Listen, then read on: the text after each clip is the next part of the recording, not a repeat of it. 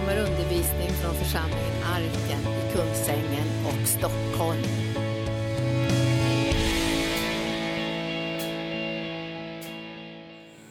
Prisa ditt namn, Herre, och vi ber att du kommer nu, helige Ande, och gör orden levande för oss.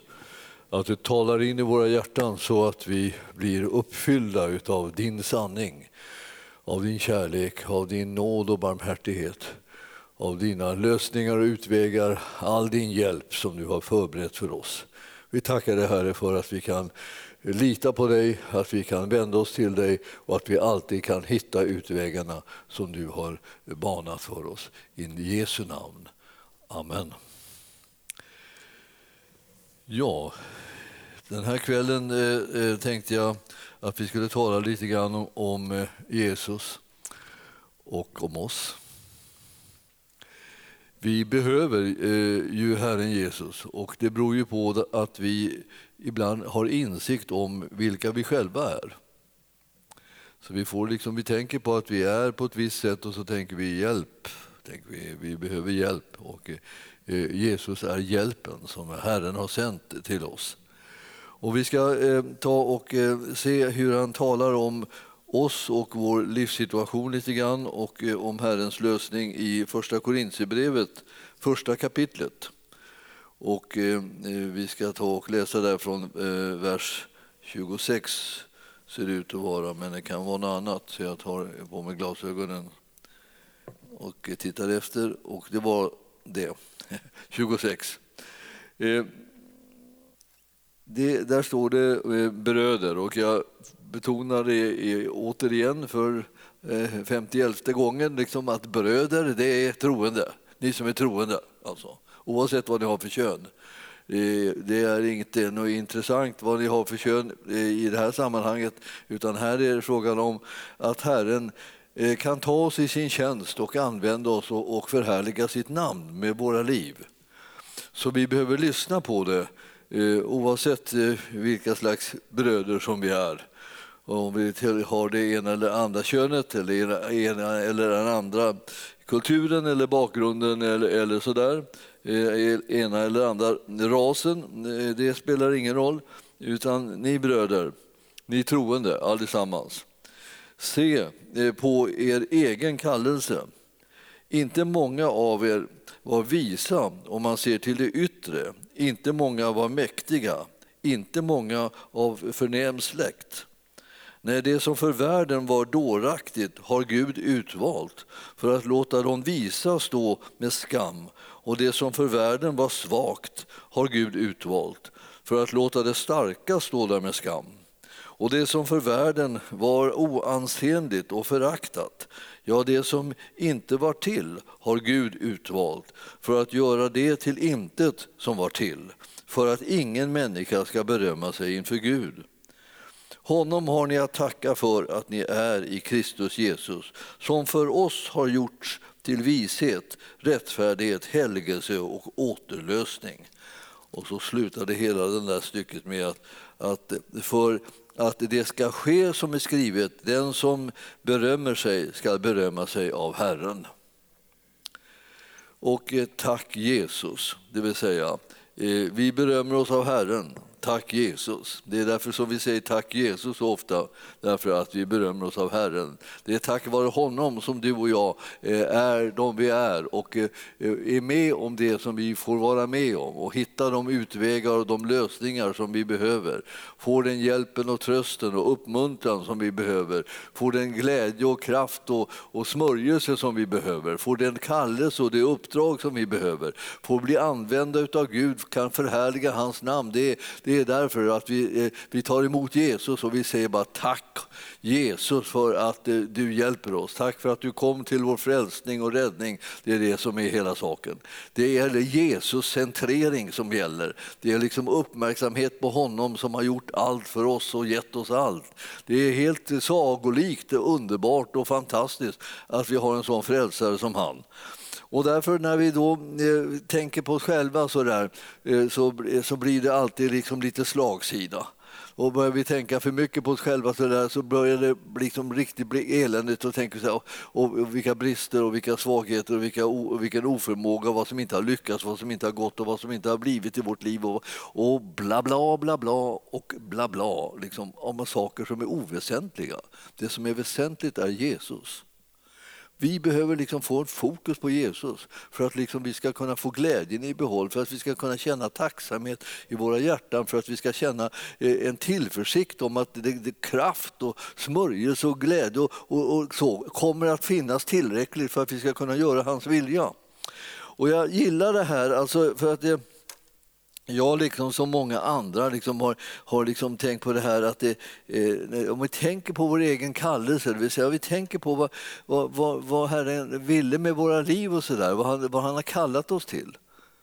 Om vi tänker på det så, eh, så tänker vi på att det fanns en, en, en, liksom en, en förutsättning som i det naturliga var liksom bristfällig och svag och tänkte det skulle behövas mycket, mycket mer för att man skulle kunna göra det som Herren har kallat oss till, det som han vill med vårt liv. Han har ju en fantastisk tro på var och en. Man kan inte fatta hur, hur han bara får, eh, kan tänka sådana tankar som han tänker om oss. Alltså vi, vi, vi, det finns ingenting som är så härligt, nyttigt och uppbyggande som att tänka på Herrens tankar eh, om oss själva. Vad tänker han om oss själva? Ja, det, det, kan du inte gå och känna efter, utan det måste du faktiskt titta efter, därför att annars så kommer du fel. Går du känner du efter så kommer du liksom, liksom deppa ihop liksom och tycka att ja, han tänker säkert att jag är si och sån och att jag inte klarar och att jag inte går i land med saker och ting och att, jag, att jag inte blir som han har tänkt och, och tänk att han har haft så mycket goda tankar om mig men jag blir ju aldrig och så, där. och så håller vi på så där. Vi liksom, eh, kommer in på helt fel spår. Vi måste titta efter vad han har för tankar om oss, annars kommer vi aldrig att få tag i härligheten eh, och utvägarna som han har berättat oss. Och det här när det står så här att, att det inte många av er var visa om man ser till det yttre. Nej, tänker vi då. Så. Liksom, det, här, det var inte många visa, nej, nej, nej. Det var, det, så var det inte. Så. Och inte många var mäktiga. Nej. Man får aldrig något inflytande någonstans och man får aldrig bestämma någonting och man kommer aldrig åt någonting och man kan inte styra någonting och, man får in, och folk lyssnar inte på vad man säger och de rättar sig inte efter vad man säger och, då, och, och det, det, är, ingenting hjälper och sådär. Nej, eh, stånk och stön liksom. Och, och, och, inte heller är man av förnämlig släkt utan är man bara någon, liksom, någon, någon bonderäng eller, liksom, liksom eller något enkelt liksom, vardagligt eh, allmänt sådär. Ja, det, det är det alltså. Inte liksom, jag, ingen, ingen har adlat den och ingen, ingen, ingen har liksom gjort, gett liksom kolossala rikedomar som man bara dyker i som Joakim von Anka eller något. Ingen liksom, eh, det, det, man bara är en vanlig liksom, e, som ingen alls liksom bara. Eh, ingen lägger märke till den och ingen tänker på den. Nej, det som för världen var dåraktigt. Alltså. Och så kommer det överraskande då, då, när han har beskrivit det här, hur, det, hur sorgligt det var med hela starten. Liksom. Då, då kommer det så här, att Gud gjorde någonting som man inte hade väntat av honom, nämligen alltså det som för världen var dåraktigt har Gud utvalt. Så han valde det i alla fall är han inte riktigt vid sina sinnens fulla bruk? Liksom, kan han, ska han välja skrutt liksom, när, när, när det finns liksom så många fantastiskt imponerande typer att välja? Ja, han väljer vad han vill. Och han tänker inte hämta sin kraft hos oss människor, utan han tänker ge oss kraft. Det är en väldig skillnad. Du behöver inte bekymra dig liksom över om du har någon kraft att erbjuda. Så säga, du kan säga till Gud, jag är, jag är rätt stark eller rätt smart, ta mig. alltså, han tycker att det är... Jag, jag söker inte efter det. Jag, jag, söker efter att få vara din styrka och få vara din kraft och få vara din liksom, smarthet och din, din, din, din, dina lösningar som du behöver. Det, det, han vill vara det för oss.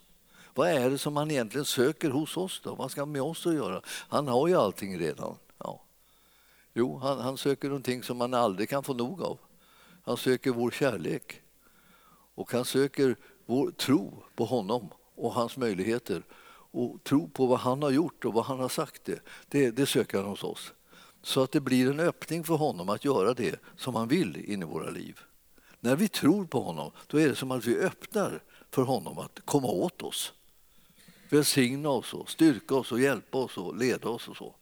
Men när vi, när vi inte tror på honom så är det som att vi stänger igen det här. Det blir inte det som, som Herren ville. Han hade planer, så här, men vi bara stänger. Och vet ni vad vi stänger med? Vi stänger med att vi är något. Vi stänger med att vi själva står i vägen. tycker jag. Det här. Vi står ibland i vägen med vår, vår, vår litenhet och vår oförmåga. Det tänker vi inte på. Vi tänker att vi står i vägen därför att vi liksom, ja, kanske, kanske inte riktigt är liksom kraftfulla liksom vi, vi, eller att vi inte behöver honom. Jag, jag, säger, ja, jag klarar mig själv, jag klarar upp det här själv, jag behöver inte honom. Det är inte det som i första hand stänger honom. Det som stänger är det att vi själva tycker att vi, eh, att vi är ingenting så han kan inte ha någonting med oss att göra. Han behöver oss inte. Vi, vi ska säga, säga så här till honom, alltså, alltså, vi tror på dig Herre. Vi tror vad du har gjort. Det är det som vi behöver. Det som du har gett genom din son, det är det som vi behöver. Vi tror att vi behöver allt det här. Vi litar fullständigt på dig. Att det du vill ge oss och det du talar om, alla löften som du ger så här, de är till oss och vi behöver dem. Utan dem klarar vi oss inte.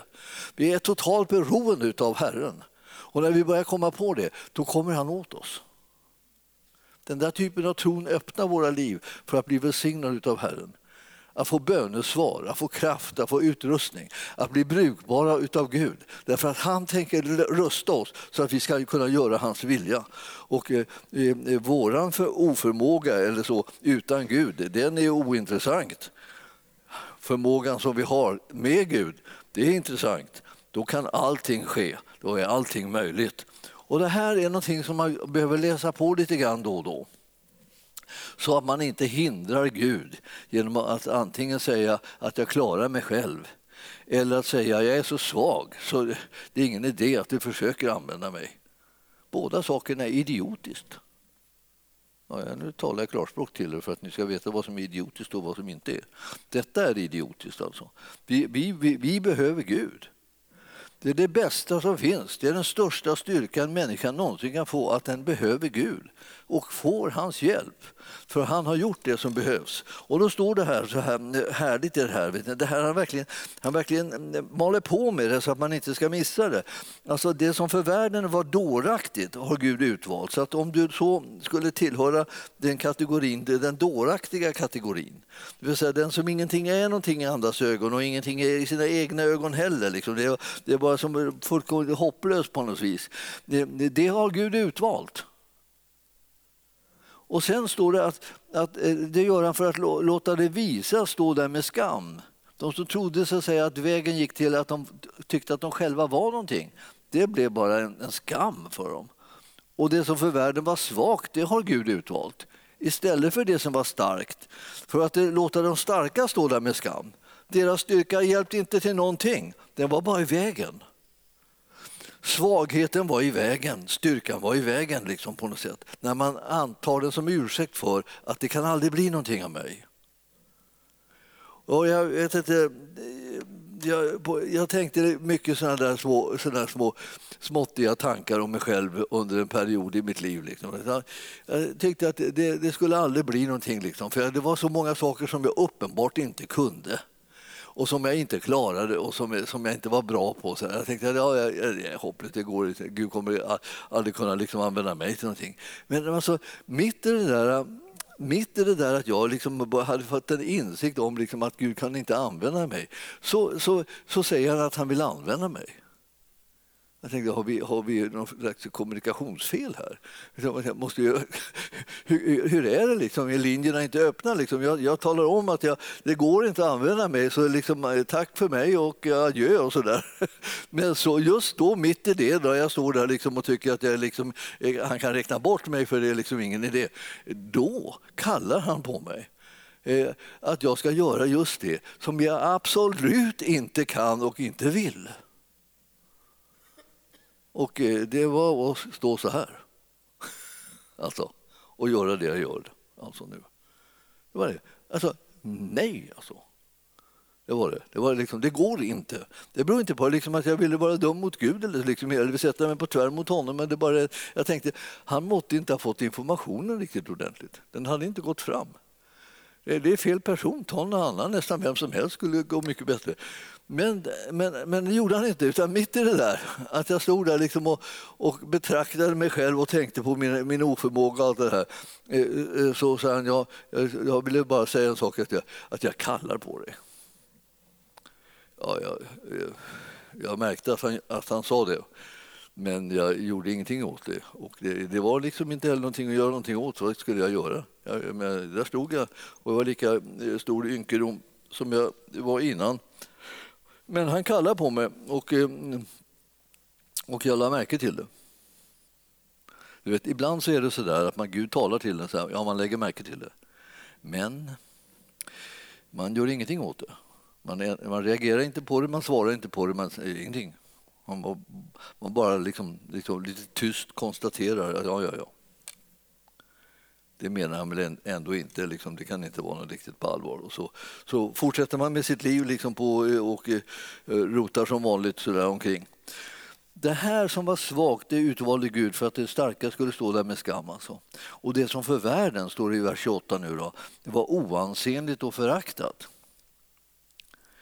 Och det som inte var, eh, var, alltså, det som inte var till alltså, har Gud utvalt för att göra till intet det som var till. Eh, man, man, får ibland en, en, en känsla av, alltså, när man har fått många riktiga signaler som är av samma sort, man har fått signaler, förkastande signaler så att säga, som kommer till en från människor, från omständigheter, från situationer, från liksom, eh, ja, när man gör olika typer av prov eller tester eller så här i världen så kommer det signaler till en att, att, det, att man inte klarar av det, att det inte går att man inte går i land med det, att man, inte liksom, man är liksom fel person helt enkelt. Och jag fick såna många sådana signaler under den tiden som jag gick i skolan. Då, eh, då fick jag många sådana signaler. Det kan hända att du har fått det också. Man kan ju få sådana signaler i sina relationer också.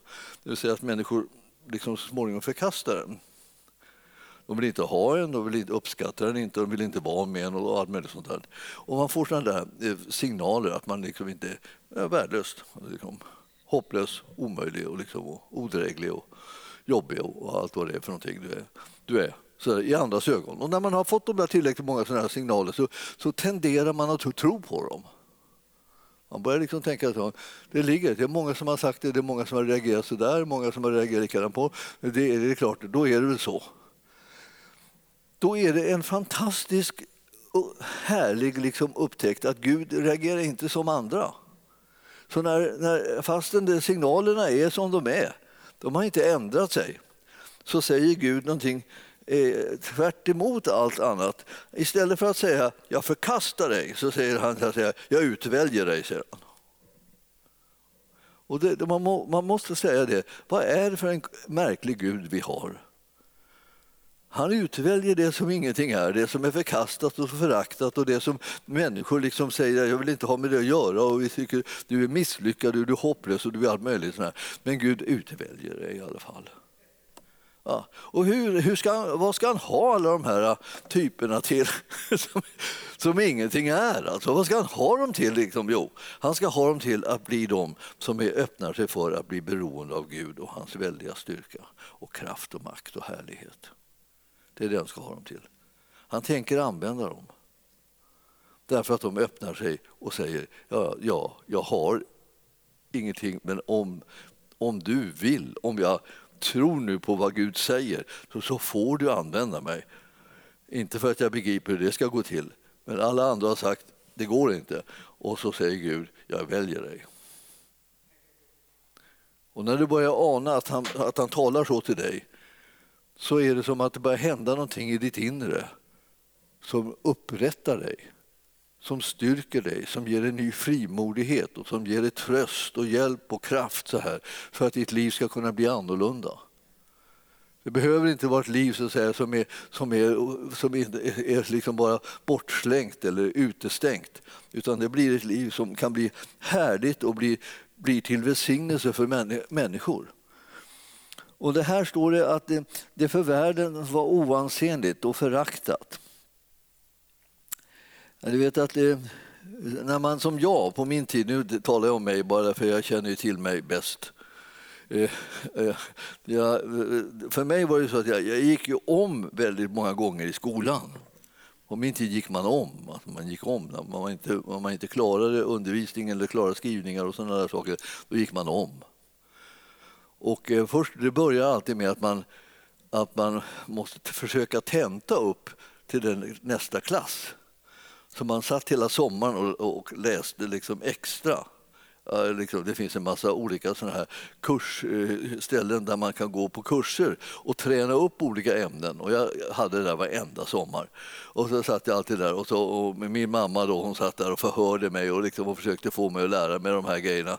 Men saken var ju den att jag var så grymt ordblind så att det hela var ju liksom en ganska stor pannkaka av alltihopa. Det blev inte någonting som var riktigt bra. Så, så länge som jag hade den här ordblindheten så var det som kört. Liksom. Och, eh, ibland lyckas jag faktiskt komma upp till nästa klass liksom, av någon tillfällighet. Och, eh, men, men annars så gick jag om. Och så höll det på så här. Så man kan säga i stort sett varannat år eh, så eh, tentade jag liksom, och försökte tenta upp till liksom, eh, nästa klass. Och, eh, och, eh, och det gick inte. Och sen så när jag hade gått två år liksom i en klass, och då klarade jag liksom att komma till nästa utan att det blev för många, för många tentor. Det blev alltid några tentor, men, men inte för många ämnen. Då, då, Men när det började bli fem, sex ämnen så där, då, då, då orkade inte jag med det här. Eh, och då fick jag, ibland så sa mina föräldrar bara så här, ja, då får du väl ta sommarlov den här, den här sommaren då. Och så får du gå om då. Ja, så gjorde jag det. Och så höll jag på så där tills Herren gjorde ett under. Alltså. Alltså jag hade liksom inga, inga som helst liksom planer på att bli något särskilt. Liksom, eller så. Det fanns, inte, fanns inga, ingenting. Det fanns ingenting som jag tyckte att jag skulle kunna eller, eller klara. Eller så, för att det, det, alltid, jag har alltid hört liksom att, det, att det, det var, hela var hopplöst. Det var bara en person som egentligen hade en annan åsikt än där, förutom Gud. Då, och det var min pappa. Jag hade en, jag hade en, eh, en underlig pappa. Han brydde sig inte om att jag kom där med mina betyg och mina, mina eh, lappar och liksom varningar hit och dit för att nu, nu går det här åt skogen och, och om inte Gunnar gör en väldig bättring så kommer han aldrig klara något. Och så, och, där, så, och så sitter, läser min pappa de där lapparna och så, så sa han till mig så här, ja, sa han, eh, är det så här du vill ha det? Lämna tillbaka lappen. Vad, vad menar du med det? Så här? Ja, jag vet att du kan bättre. Alltså fullkomligt ur luften fick jag. Vad tar han det här ifrån? Här, ur luften liksom. Kan bättre. Jag har stretat som en galning för att liksom få det här att liksom komma upp till den här nästa klass. Nej då. Ja, du kan bättre. Eller vad har du tänkt att syssla med? Tänkte, sa han. Ja, ach, det vet jag. jag känner liksom att det var liksom lite jobbigt men samtidigt så märkte jag på något sätt att han trodde mer om mig än vad jag gjorde. Och ändå tyckte jag att jag borde egentligen vara för mig mer än någon annan. Man brukar ju vara för sig själv liksom på något sätt, eh, backa upp sig själv och förstå sig själv och sådana där saker. Man förstår varför det blev som det blev och man har förklaringar. Så där. Eh, min pappa han, han, alltid, han, var, han stöttade mig på något vis eh, mera än, än, än, än andra och eh, till och med mer än jag själv. Och till slut så, så, så, så sa han liksom att ja, du, du, du, får, du, får, du behöver fatta ett beslut. Ja. Ja, jag, trodde, jag förstod inte vad riktigt vad det där innebar. Men, men det här stod det alltså, att det fanns någonting som för världen var oansenligt och föraktat. Fastän det kan vara så att människor och världen och alla runt omkring tycker att du är oansenlig och du, det, det åstadkommer det föraktat och ingenting så är inte sista ordet sagt, för det är frågan om vad säger då Gud? Och Gud han, han, han kan ge sig till att säga något så överraskande som att jag, jag väljer dig. Ni vet alla ni som har varit med om de här som man brukar vittna om så här, har varit med och, och stått och skulle väljas eller eh, inte väljas till olika lag i gymnastiken. Och, liksom, och eh, så var man inte bra på gymnastik. Liksom, så här, man stod där och väntade liksom, och jag var en väldigt liten kille eh, så när jag var liten. alltså jag, var, jag, var väldigt, jag, var, väldigt, kort. Jag trodde aldrig att jag liksom skulle bli i den här höjden som jag är nu. Alltså det, utan jag var kort. Jag var kortare än alla andra och liten, spinkig typ. Så.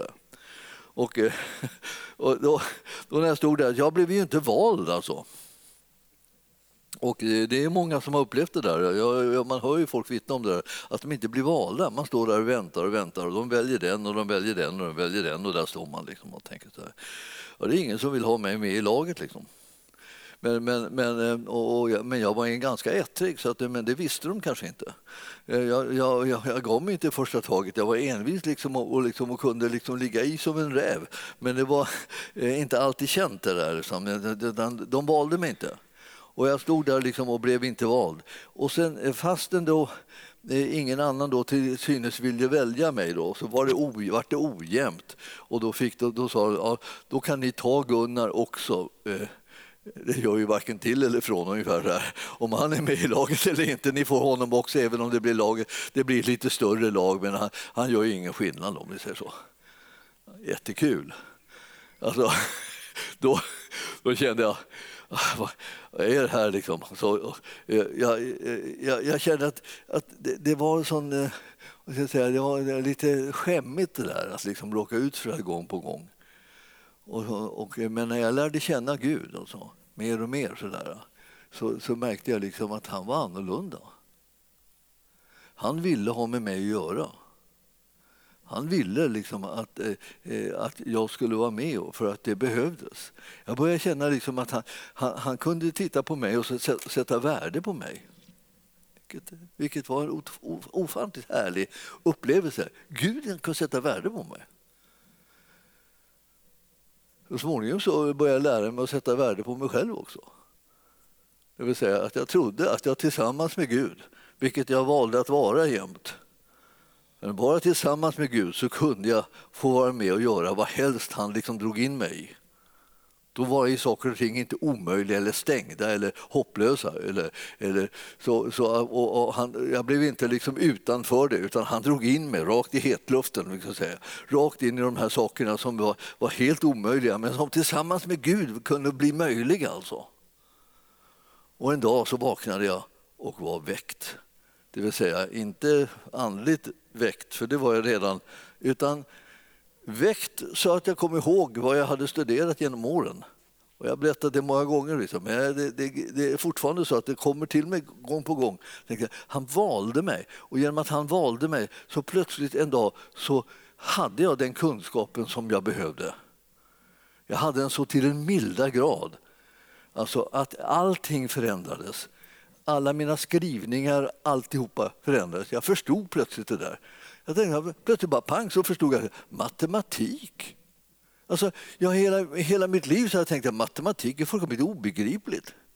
Man skriver lite eh, siffror så här på måfå så här och hoppas att något, det ska bli rätt på något sätt. Men jag förstod inte riktigt hur, hur, hur det gick ihop eller eh, hur det funkade. Och så plötsligt så vaknade jag en dag så här, och så tyckte jag matematik det var ju lätt som en plätt. Och då eh, så han skrev jag rätt på alla skrivningar. Från, från den dagen. Alltså. Så skrev jag rätt på alla skrivningar. Det blev katastrof liksom i, i lärarkåren. De tänkte den där Gunnar Bergling, han har, han har kommit på något sätt att fuska som inte vi kan genomskåda. Han fuskar en rackaren, men vi kommer inte på hur, man gör, hur han gör det. Och han sitter där hela tiden och bara skriver skrivningar och lämnar in Han går inte ens på toaletten. Han, han fuskar fast jag förstår inte hur han gör. Det måste vara något fusk.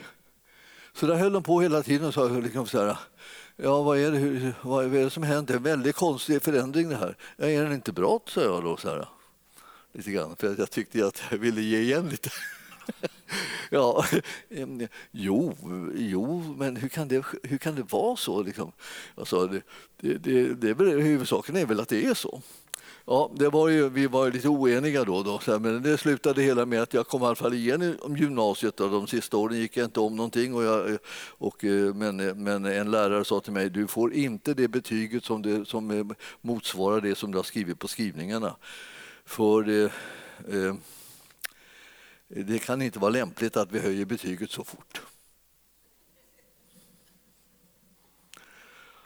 Ja, jag tänkte, jag förlåter honom. Men så, så var det i alla fall. Så han, en del höll liksom nere betygen, så här, då han, de diskuterade mig fram och tillbaka. Så här. Jag förstår att de inte förstod det här, jag förstod det knappt själv. Att Gud liksom plötsligt bara liksom gjorde allting klart för mig. Det, han gav mig liksom, eh, eh tillbaka kunskapen liksom, och förmågan att förstå det som jag inte förstod. Jag läste alltid mina läxor nämligen. Men jag höll på, det tog jättelång tid att komma igenom dem. Men jag läste dem. Men jag kunde inte eh, redogöra för dem. Jag, jag tillhör de här, som, med de här personerna som var oansenliga och föraktade liksom, eh, då. Och, eh, eh men jag vaknade till och blev någonting annat med Guds hjälp. alltså. Och Gud han hjälpte till att, liksom jag, att jag skulle kunna göra det som rösta mig för det som jag skulle göra i framtiden. Fast jag inte tänkte. Jag hade alltid haft, liksom tänkt så här... när jag gick i, i, på, när jag låg i lumpen och gjorde jag, eh, så, så ehm, fick jag sitta och räkna ut, räkna ut lönerna till personalen jag vet inte hur man resonerar i lumpen. Jag kunde ju då fortfarande inte riktigt räkna så, där, så, så det störde och eh, hur jag skulle räkna ut löner och med alla speciella förhållanden som gällde det så här för hand. Jag satt liksom med en penna och, och, eh, och papper där och så försökte jag räkna ut lönerna eh, enligt någon princip som fanns där på, i små böcker som de hade.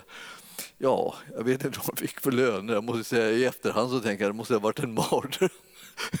vilket, vilket, vilket upprörda känslor det måste ha varit liksom, när de fick det ena eller det andra.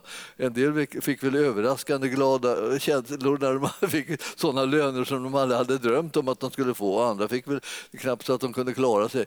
Alltså, jag, gjorde, jag gjorde mitt bästa. Men det var nog inte så där jättebra.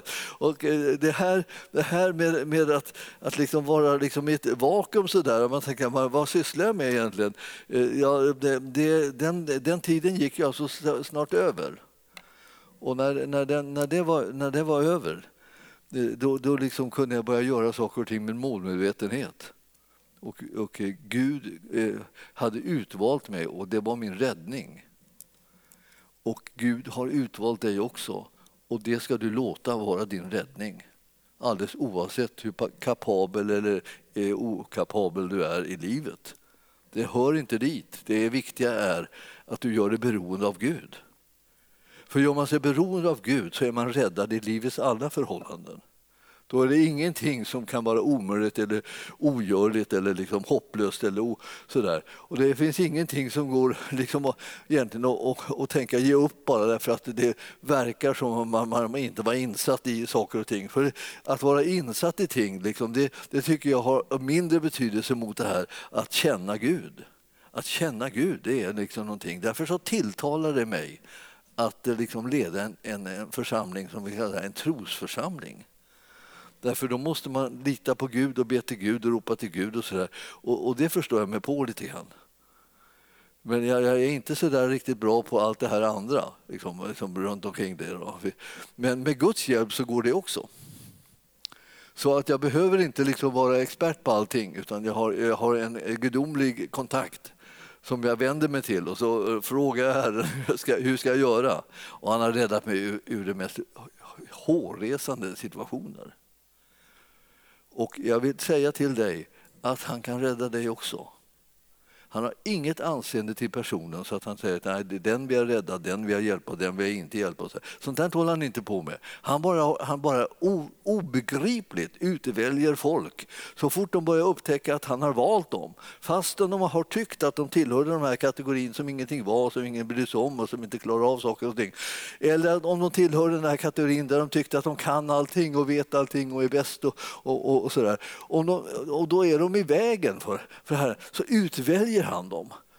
Och så måste de så att säga göra sig, tillåta Gud att vara bero, att tillåta sig att vara beroende av den Gud som har valt dem.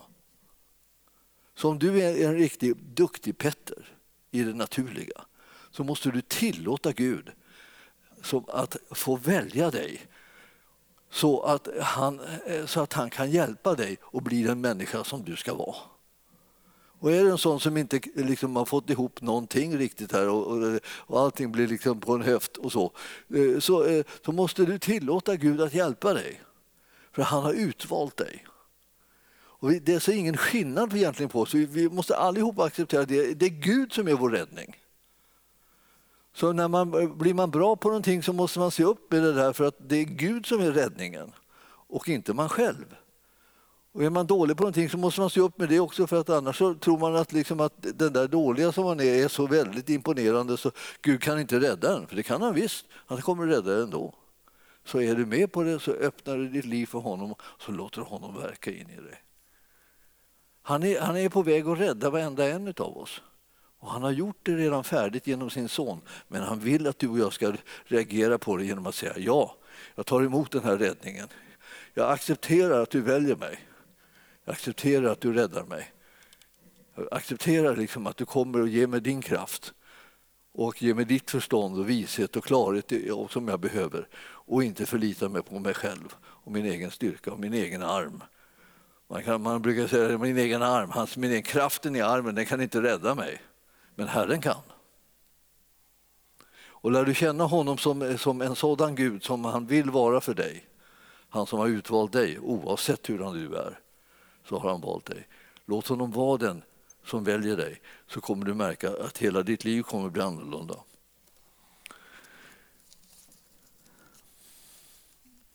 Då står det i 29 versen någonting som blir självklart då efter ett tag och det är det att för ingen människa ska berömma sig inför Gud. Det finns ingen som ska komma inför Gud och berömma sig. Alla ska förstå att Gud har utvalt dem och han har räddat dem och han är deras enda tillgång och resurs och styrka. Och utan honom så vore vi ingenting. Nu med honom så, eh, så är det ingenting som är omöjligt för oss istället. Så man berömmer sig inte inför Gud utan man tackar och prisar Gud för att han har räddat en. Och ju mer du gör det utan att hålla på att känna efter och utan att hålla på att eh, väga dig själv i vågskål och hålla på utan se på Gud och tänk på vem han är och, eh, och tacka honom för att han har utvalt dig. Det räcker att du vet att han har utvalt dig. Det är det du ska bejaka. Så kommer ditt liv kunna bli det som Herren har velat och planerat. Honom har ni att tacka för att ni är i Kristus Jesus nämligen som Gud för oss har gjort till vishet, rättfärdighet, helgelse och återlösning. Det vill säga det här har han gjort för oss. Han har gett oss allt det här när han satte oss in i Jesus Kristus som är sonen som är här räddningsplanen från Gud till dig. Ingen av oss kommer att klara oss utan den räddningsplanen. Alla klarar sig med den. Och därför så, eh, när vi ser på det här och tänker över det så tänker jag att vi, vad, vad vi är välsignade vad vi är fantastiskt liksom belönade av en Gud utan att ha gjort oss förtjänta av det för fem öre. Alltså, eh, vi har honom att tacka för att vi är i Kristus Jesus. Och, eh, och Gud har gjort honom till vishet, rättfärdighet och helgelse och återlösning för vår räkning. Vi har fått det av honom. Allt det här är vi. Så att när vi börjar bekänna oss till det här så låter det nästan inte klokt. Alltså jag menar, vi, det låter ju som högmodig kubik och det låter ju som överdrifter och allt vad du vill. Men det, det spelar ingen roll hur det låter. Saken är den att det är som han säger. Och därför så är jag, när jag tänker när jag är i Kristus Jesus, jag är vishet från Gud, jag är rättfärdighet, jag är helgelse och jag är återlösning. Och det här sista återlösning, ja, det, det, betyder förlossning, eller det, som, eller det är jag som har fått friheten, eller det är jag som har blivit friköpt och, och eh, lösepenningen så att säga, eh, eh, som var hans blod som har utgjutits för min skull, den, den, den gäller och den har räddat mig. Så nu har fienden och världen ingen längre någon makt över mitt liv utan jag är löst så att jag kan leva det livet som Herren har kallat mig till. Och så är det för dig också.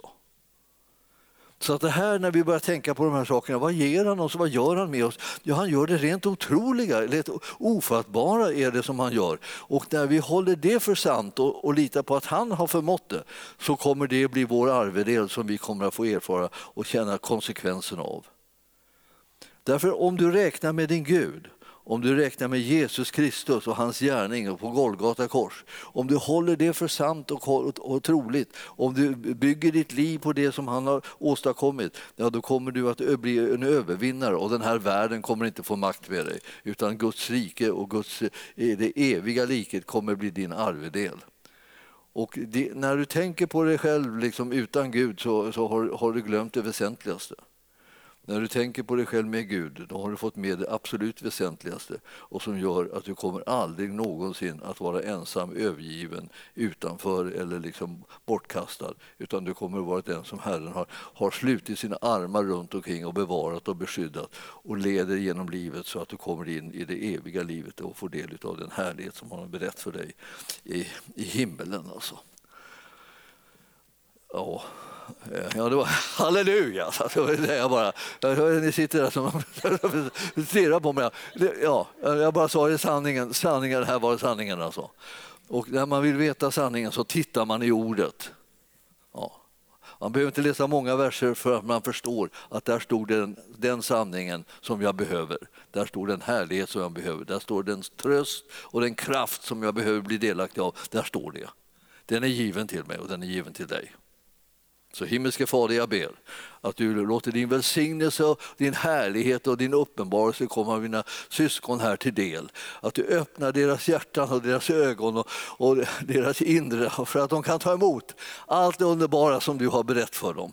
Allt det där som du har givit till dem, allt det där som du har lovat dem. Alla underbara löften som har fått sitt ja och sitt amen genom dig Jesus Kristus. Jag ber för deras räkning att de ska bli fyllda med glädje och kraft och härlighet så att de kan göra din vilja och förhärliga ditt namn. Du har utvalt dem och de vill svara ja från sina hjärtans djup så att allt det goda kommer att ske som du har planerat och tänkt för deras räkning och som är nödvändigt för att Guds rike ska kunna utbredas här på jorden. Jag tackar dig Herre för att de var och en ska gå in på sin plats, inta den där platsen som är deras, som du har givit till dem och få se vilka härliga gärningar som du vill göra genom deras liv. Mitt ibland oss allihopa så får vi bevittna hur du gör det som är är fullkomligt omöjligt men möjligt för dig. I Jesu namn. Och församlingen sa Halleluja!